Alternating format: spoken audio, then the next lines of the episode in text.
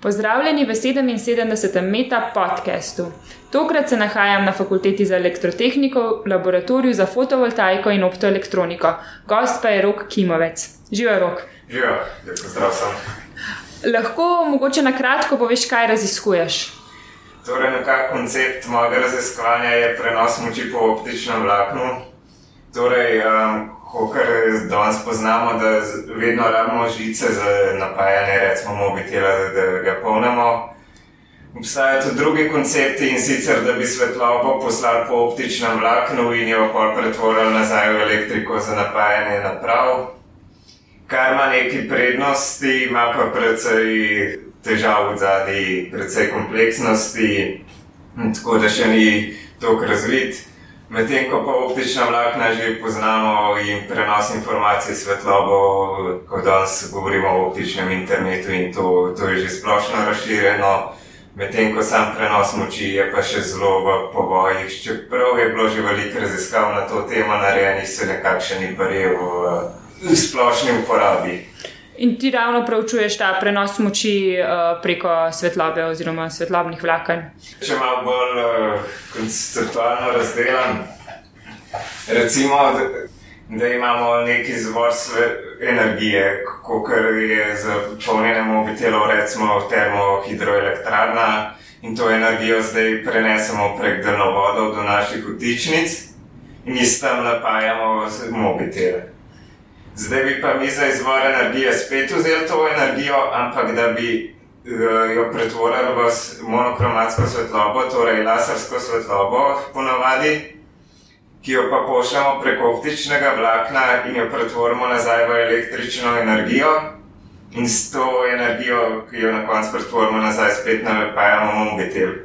Kaj je ta razlika, eh, da nimamo vmes en del prenosa te poti? Nimamo električno prevodnega kabla, kar v nekih okoliščinah zelo, ima zelo pozitivne učinke. Recimo, take stvari niso občutljive na elektromagnetne motnje in tako naprej. Torej, v vseh primerih, kjer so uh, prisotna visoka magnetna polja, recimo v kakšnih MRI-jih, mašinah za magnetno resonanco bi lahko na tak način napajali te senzore v takih mašinah, ker že sam dizajn v sami osnovi ni občutljiv na motne, elektromagnetne motne iz okolice. Zato bi se take sisteme uporabljali. Torej, uh, preučuješ prenos moči prek svetlobe. Ja. Ja. In sonce je tudi vir energije. Lahko, ja, sonce je ultimativni vir energije za vse stvari na življenju. Ja. In pač to že poznamo, da znamo pač iz sončeve energije uh, pridobivati elektriko. Ja. Kako pa je to potem podobno, oziroma so to podobni mehanizmi zadaj, kot pri tem, kar ti raziskuješ, ali je to drugače? Ja, sam osnovni mehanizem pretvorbe zdaj te svetlobe, ki v mojem primeru ponovadi prihaja iz laserskih virov, je čisto enak kot um, pri sončnih celicah govorimo o pojavu fotovoltaike, ki ga izkazujejo po prevodniki, torej posvetimo na njih in vzbudimo neka stanja, ki povzročijo, da se začnejo elektroni premikati. In je čisto enak princip v zadnji. Ampak dobra stran lasnosti laserskih virov je, da vdajajo monokromatsko svetlobo. Kaj to pomeni? Da je zelo natančno definirana njena barva, če, če se po domači izrazim. Torej, dajo eh, svetlobo samo ene barve in to nam omogoča, da zelo dobro optimiziramo eh, te, te pretvornike laserske moči, kot jim rečemo, ki so v bistvu sončne celice, ki so optimizirane za pretvorbo eh, laserske svetlobe.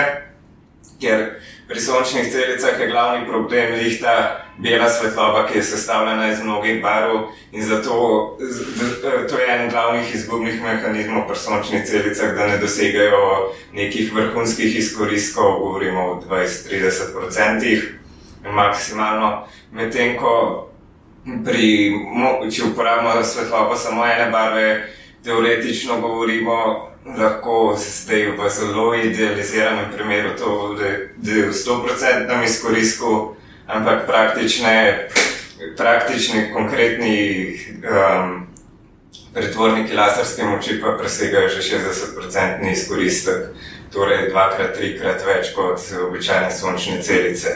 Kaj je bilo v bistvu tvoja glavna naloga, oziroma kaj, si, kakšno, kaj je bilo glavno raziskovalno vprašanje? Ker vem, da v prispevkih tudi ravno govoriš o tem, ne ravno o izkoristku laserske svetlobe, ampak o tem, kje se zgublja. Ne? Sama tema mojega doktorskega dela, študija, ki sem jo prijavil za moje doktorsko delo, je zelo precej široka. Torej, sam eh, in se deli recimo na dve smeri. En je sistemski vidik, torej vse od izvora energije v obliki laserske svetlobe do prenosa te energije do pretvornikov laserske moči in potem kako dejansko narediti napravo za polniti mobitel, če smo spet pri tem primeru.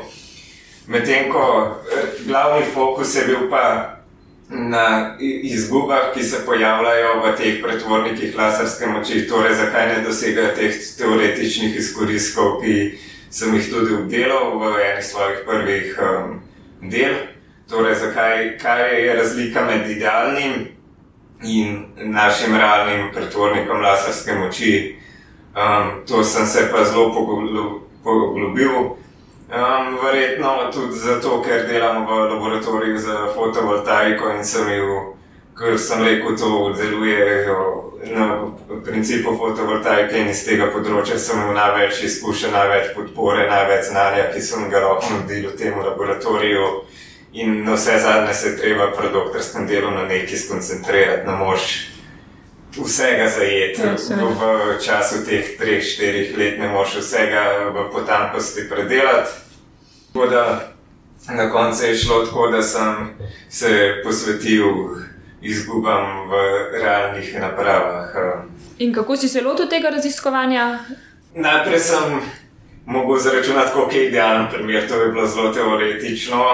Torej, zelo iz termodinamskega vidika rečemo temu šoklika jezereva limita, ki je ena zelo splošno razširjenih limit tudi pri sončnih celicah in nam govori, koliko je maksimalen izkoristek, ki ga iz najbolj osnovne fizike lahko dobimo za, iz upadne svetlobe.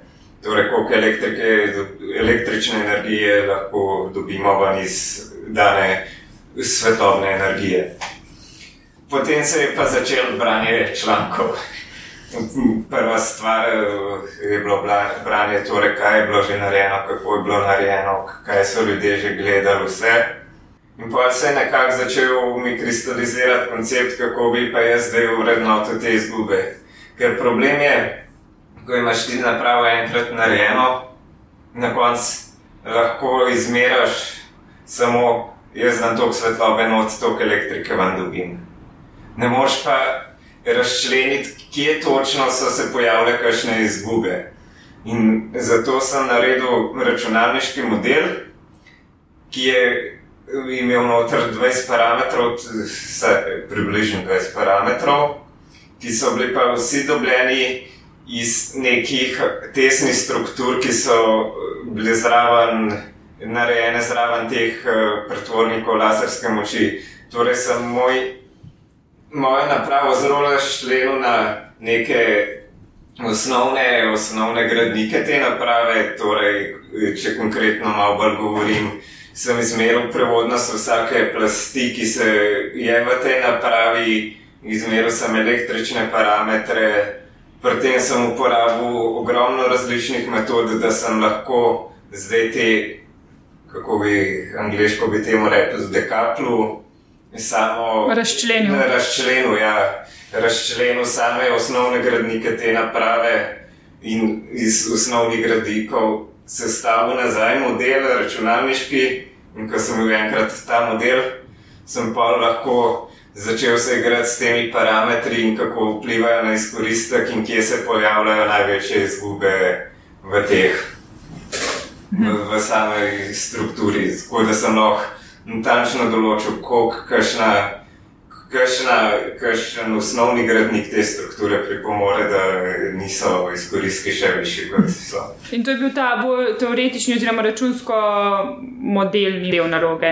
Ja. Pa je tudi že vključeval, če sem prav razumel, nekaj praktičnega, kjer si meril, um, kakšne ja, so izgube. Zelo, zelo je bil ta model je bil zasnovan na parametrih, ki so realni za te mhm. naprave. Torej, Vse te parametre, s katerimi sem pa na koncu model naredil, sem jaz zmeril torej sem jih dolgo na fizičnih, realnih uh, podatkih. Um, in pol na koncu sem ta model tudi s tem validiral, tako da sem pogledal, da, da sem predvidel eno lasnost, katero nisem uporabil pri svojih meritvah.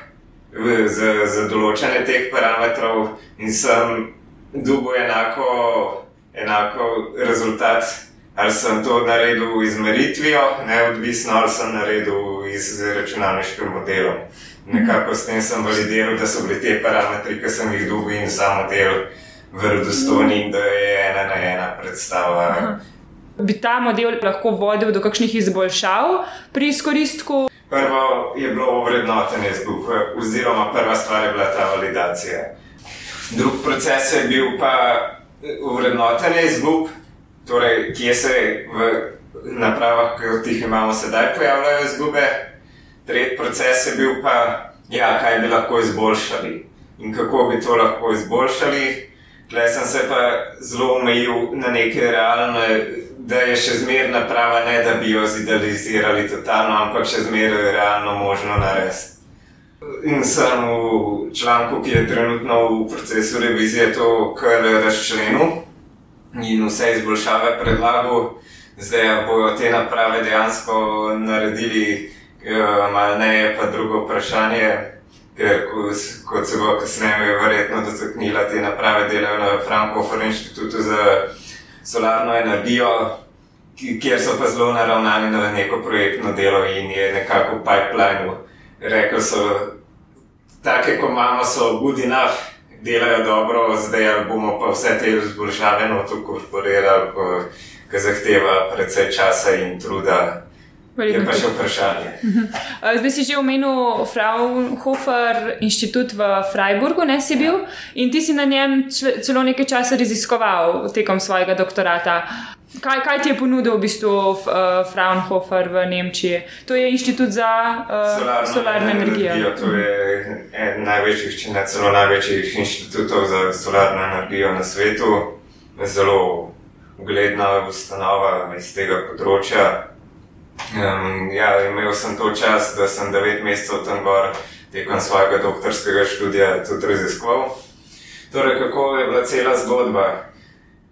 Pač, kot sem rekel, začel sem s plezom z osnovami, s seciranjem člankov, z teoretičnimi izkoristki in to.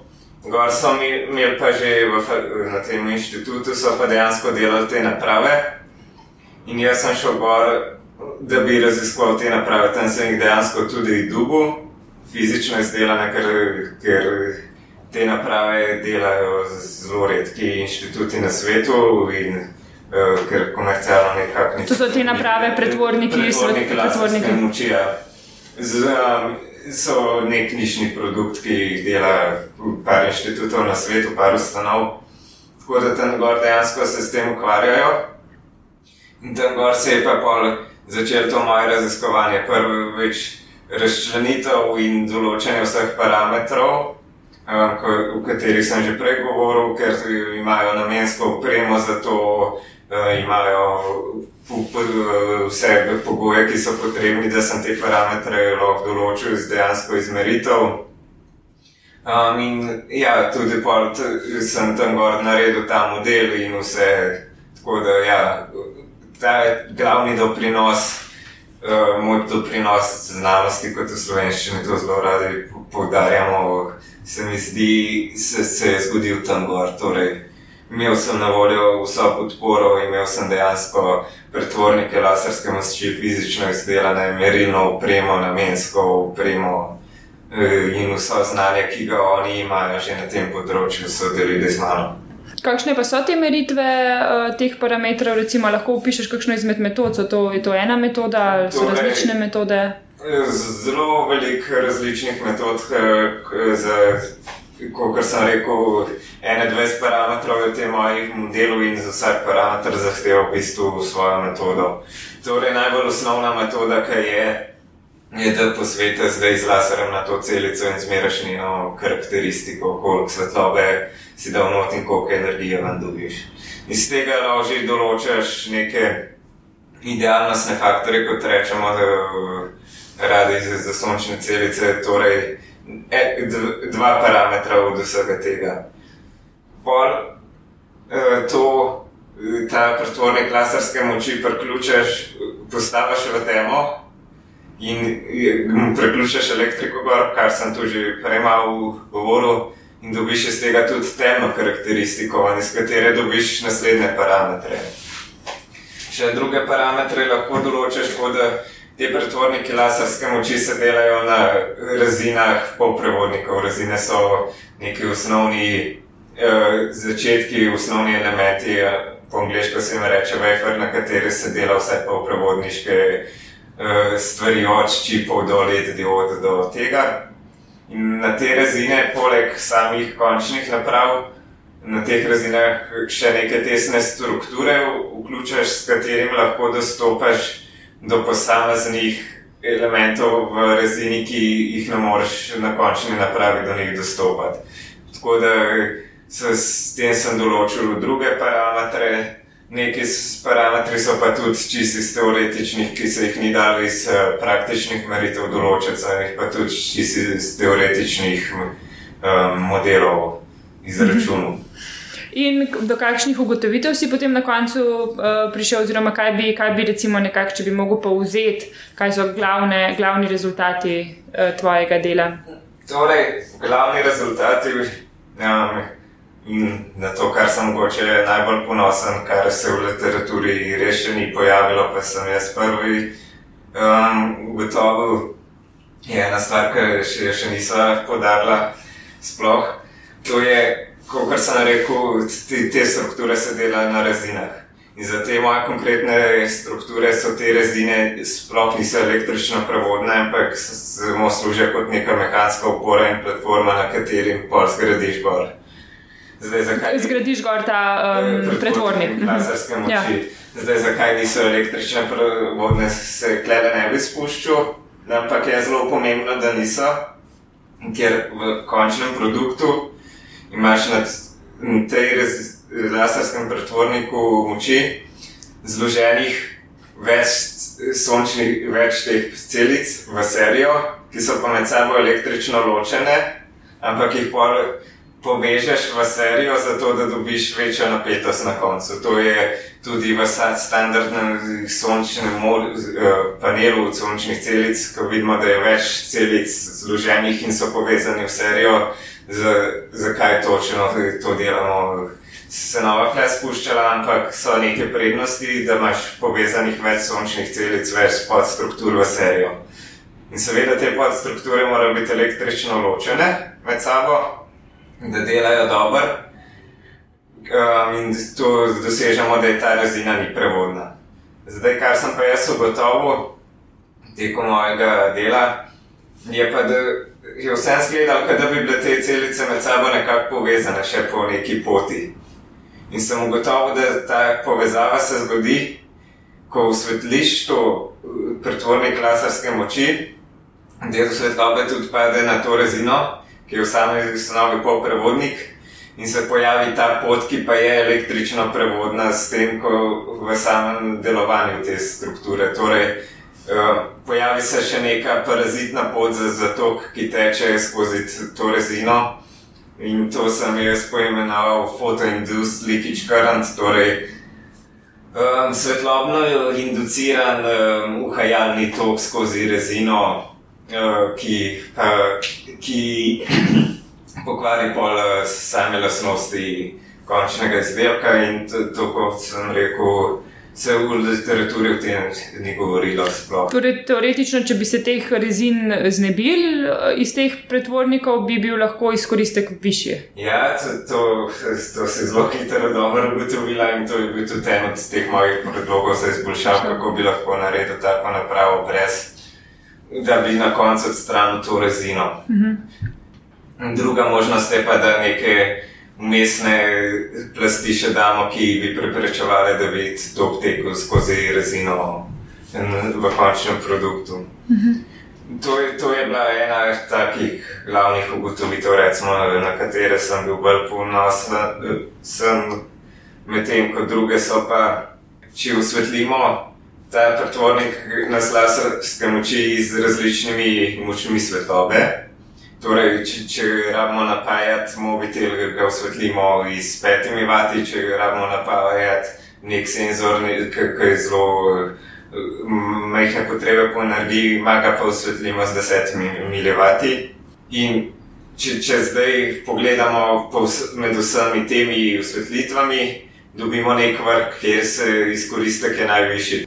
In zdaj jaz sem pa še ugotovil, zakaj je v spodi pod tem vrhom ta izkoristek manjši in zakaj, kje so razlogi, da je nad tem vrhom, torej z višjimi močmi, tudi izkoristek manjši kot teoretičen. Kje so te pretvorniki laserske moči uporabni? Prej si omenil, da, da recimo pri magnetni ja. resonanci. Imaš še kakšne druge primere? To z magnetno resonanco sem dal sam kot primer, to je še zelo povoj. Ampak kar je danes najbolj splošno uporabljeno, um, je v um, merjenju daljnovodov, merjenju električnih parametrov, visoko napetostnih daljnovodov. Tam imamo zelo veliko problemov, ker daljnovod visoko napetostni, kot je mogoče splošno znano, je stotinah kilovoltih proti zemlji na potencialu.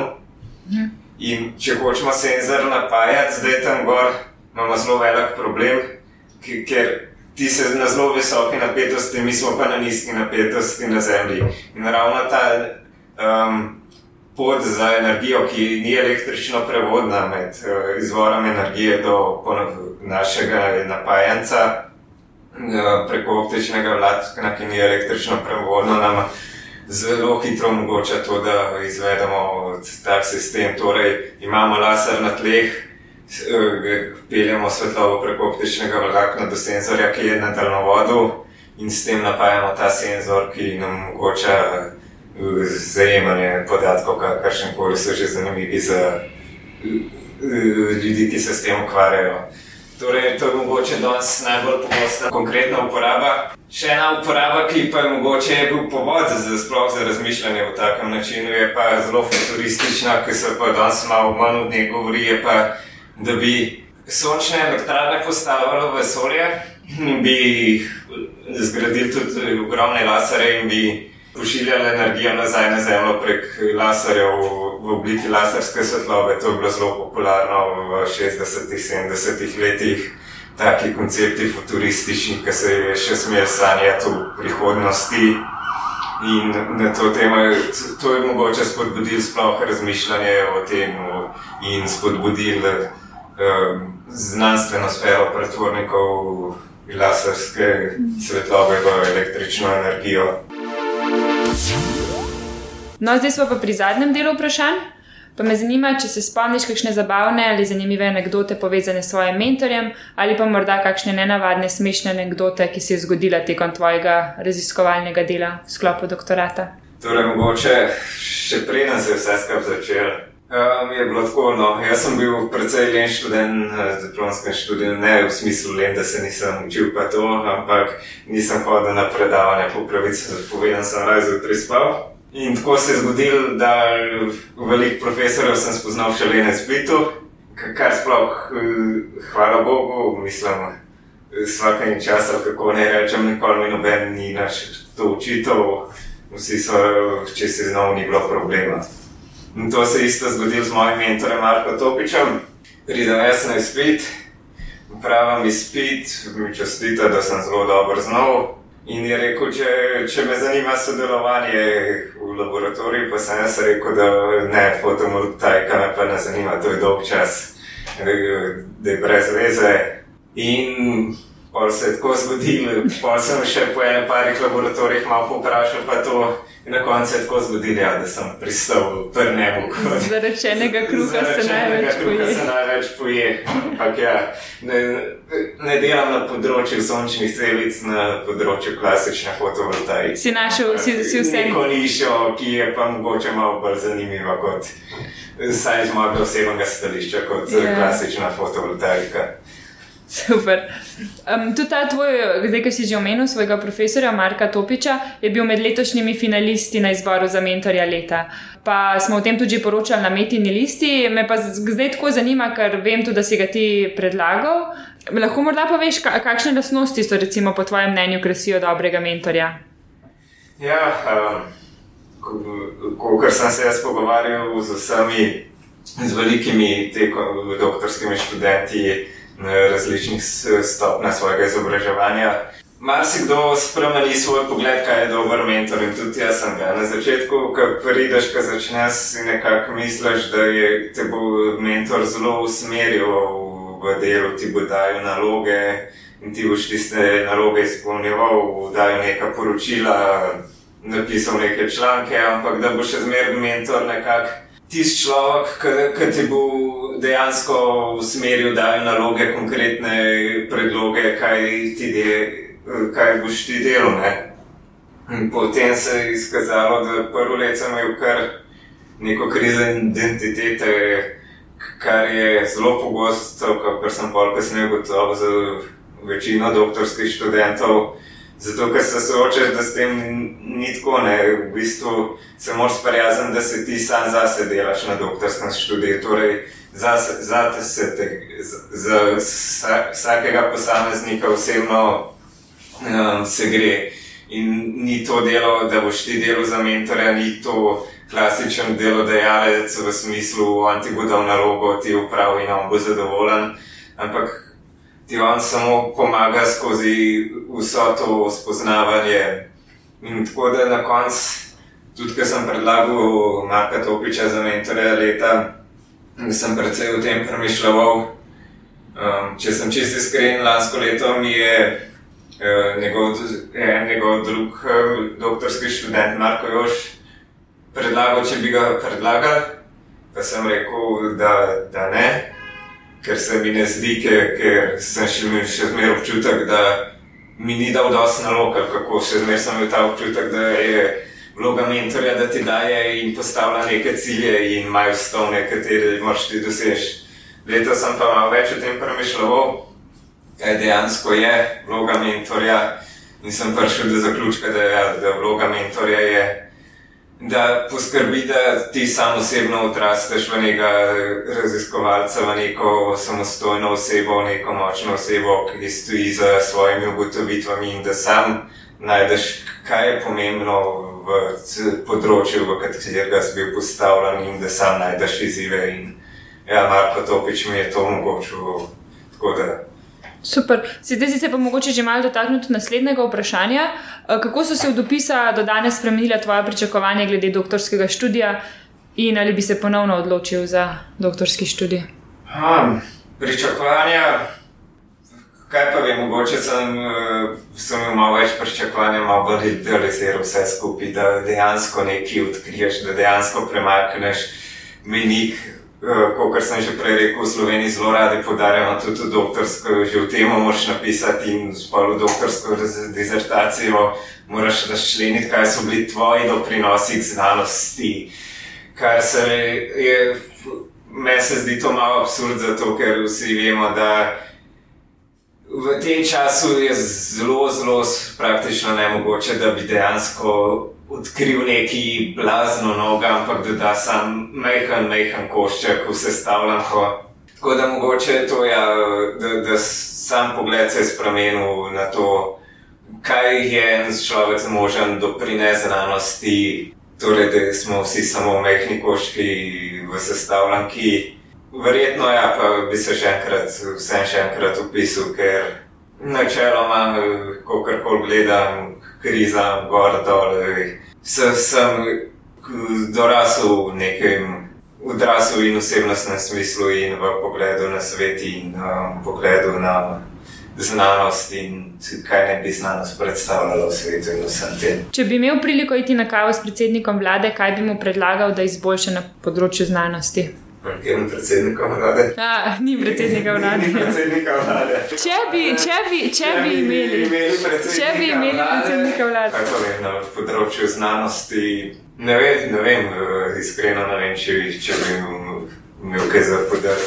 Mogoče edino to, ja, kar sem opazil, je, da jaz sem bil sicer srečo, ampak kar sem opazil, je, da zelo veliko doktorjev izšolamo, da vemo pa, kaj z njimi narediti. Noben ima nobenega plana, k- k- kaj z vso to goro doktorjev, ki smo jih izšolali, bodi si doktorjev znanosti ali doktorjev, dobro, doktorjev medicine, še nekako ponucajo, ampak ne k- kako jih uporabiti za prihodnost države, kako izkoristiti zdaj ta vas potencial. Ki smo in finančno vložili v njih, in časa, ki smo ga vložili v njih, kako bojo zdaj oni vrnili to na vse zadnje države. Noben pa nima na tem področju ideje, se mi zdi, mm. zmagal osebnega stališča, tako da mogoče bi bilo vredno malo tudi na tem delati, kako ponuditi pol, da omogočiti doktorjem znanosti okolje, ki- jim bi res lahko doprinesel pol in vrnilo vse nazaj države, kar so v njih vložila. Kaj boš počel čez pet let in kje se vidiš čez 40 let? Po doktoratu bom šel ve- verjetno v industrijo, eh, ravno zaradi tega, ker sem, kot sem prej se nekako dotaknil. Sem trenutno zgubljen, kaj ne bi v znanosti delal. Um, Mogoče tudi iz tega stališča, da sem gotov, da ni ve- več teh idealiziranih velikih eh, prebojev v znanosti, oziroma eh, so zelo težko, iskreno povedano, verjetno tudi jaz nisem tako pameten, da bi lahko take preboje eh, dosegel. Um, tako da nekako bo- sem zmeraj um, imel veselje delati neke končne produkte že tekom študija in to in zmeraj me to zanima, tako da bom svoje znanje probo uporabiti v industriji. Medtem ko čez 40 let bomo pa videli. Um, bi drugim doktorskim študentom in študentkam predlagal kakšno tehniko za upravljanje s časom ali pa morda računalniški program, ki ti olajša delo in ti prihrani čas? Niti ne, Niti ne. slabo tem, tako da mislim, da, da se ne sme, eh, če, če hočeš neke ideje dobiti, neki drugačen pogled na to, kar je bilo že objavljeno. Ko, ko začneš, verjetno vsi seciramo članke, vsi preberemo in si neki eh, za, zacementiran pogled imaš. Mogoče je potrebno, da si pustiš, da čez ne, da imaš eh, naloge sestavljene, ker to ubija kreativnost, v mojem mnenju, in da si pustiš čas, pustiš prostor razmišljati, ne se preveč obremenjevati, ker edin tako bo šlo, da bo še neko čisto mogoče bizarno idejo, ki pa še ni bila predstavljena in s tem dejansko kaj odkril. Kakšno priporočilo za knjigo, igro, film, spletno stran ali podcast? kje bi začel.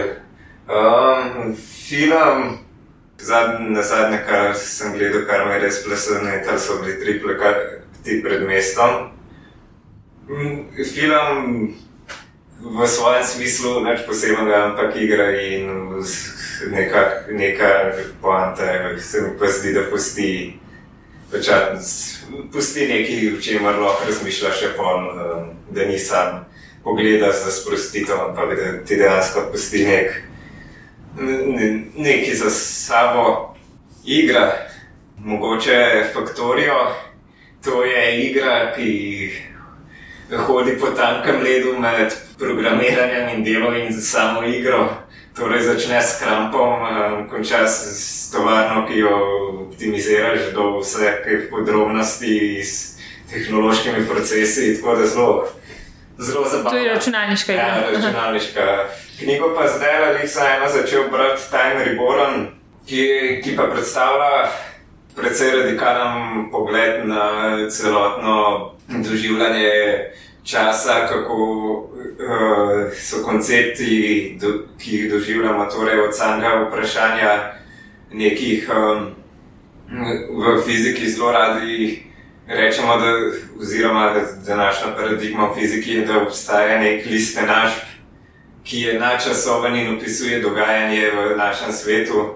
Ta uh, knjiga pa jih to hoče uvreči, torej, da vse, kar se dogaja, je povezano s tem trenutkom in s tem časom, in ne moramo ubežati trenutku in času, ki ga definira ta trenutek. Če kakšen, kakšno spletno stran podcast? Spletna stran, najraje za sprostitev, če tako, kar beremo, Mars Tehnika, to je stran, ki poroča vse mogoče, kar je povezano s tehniko.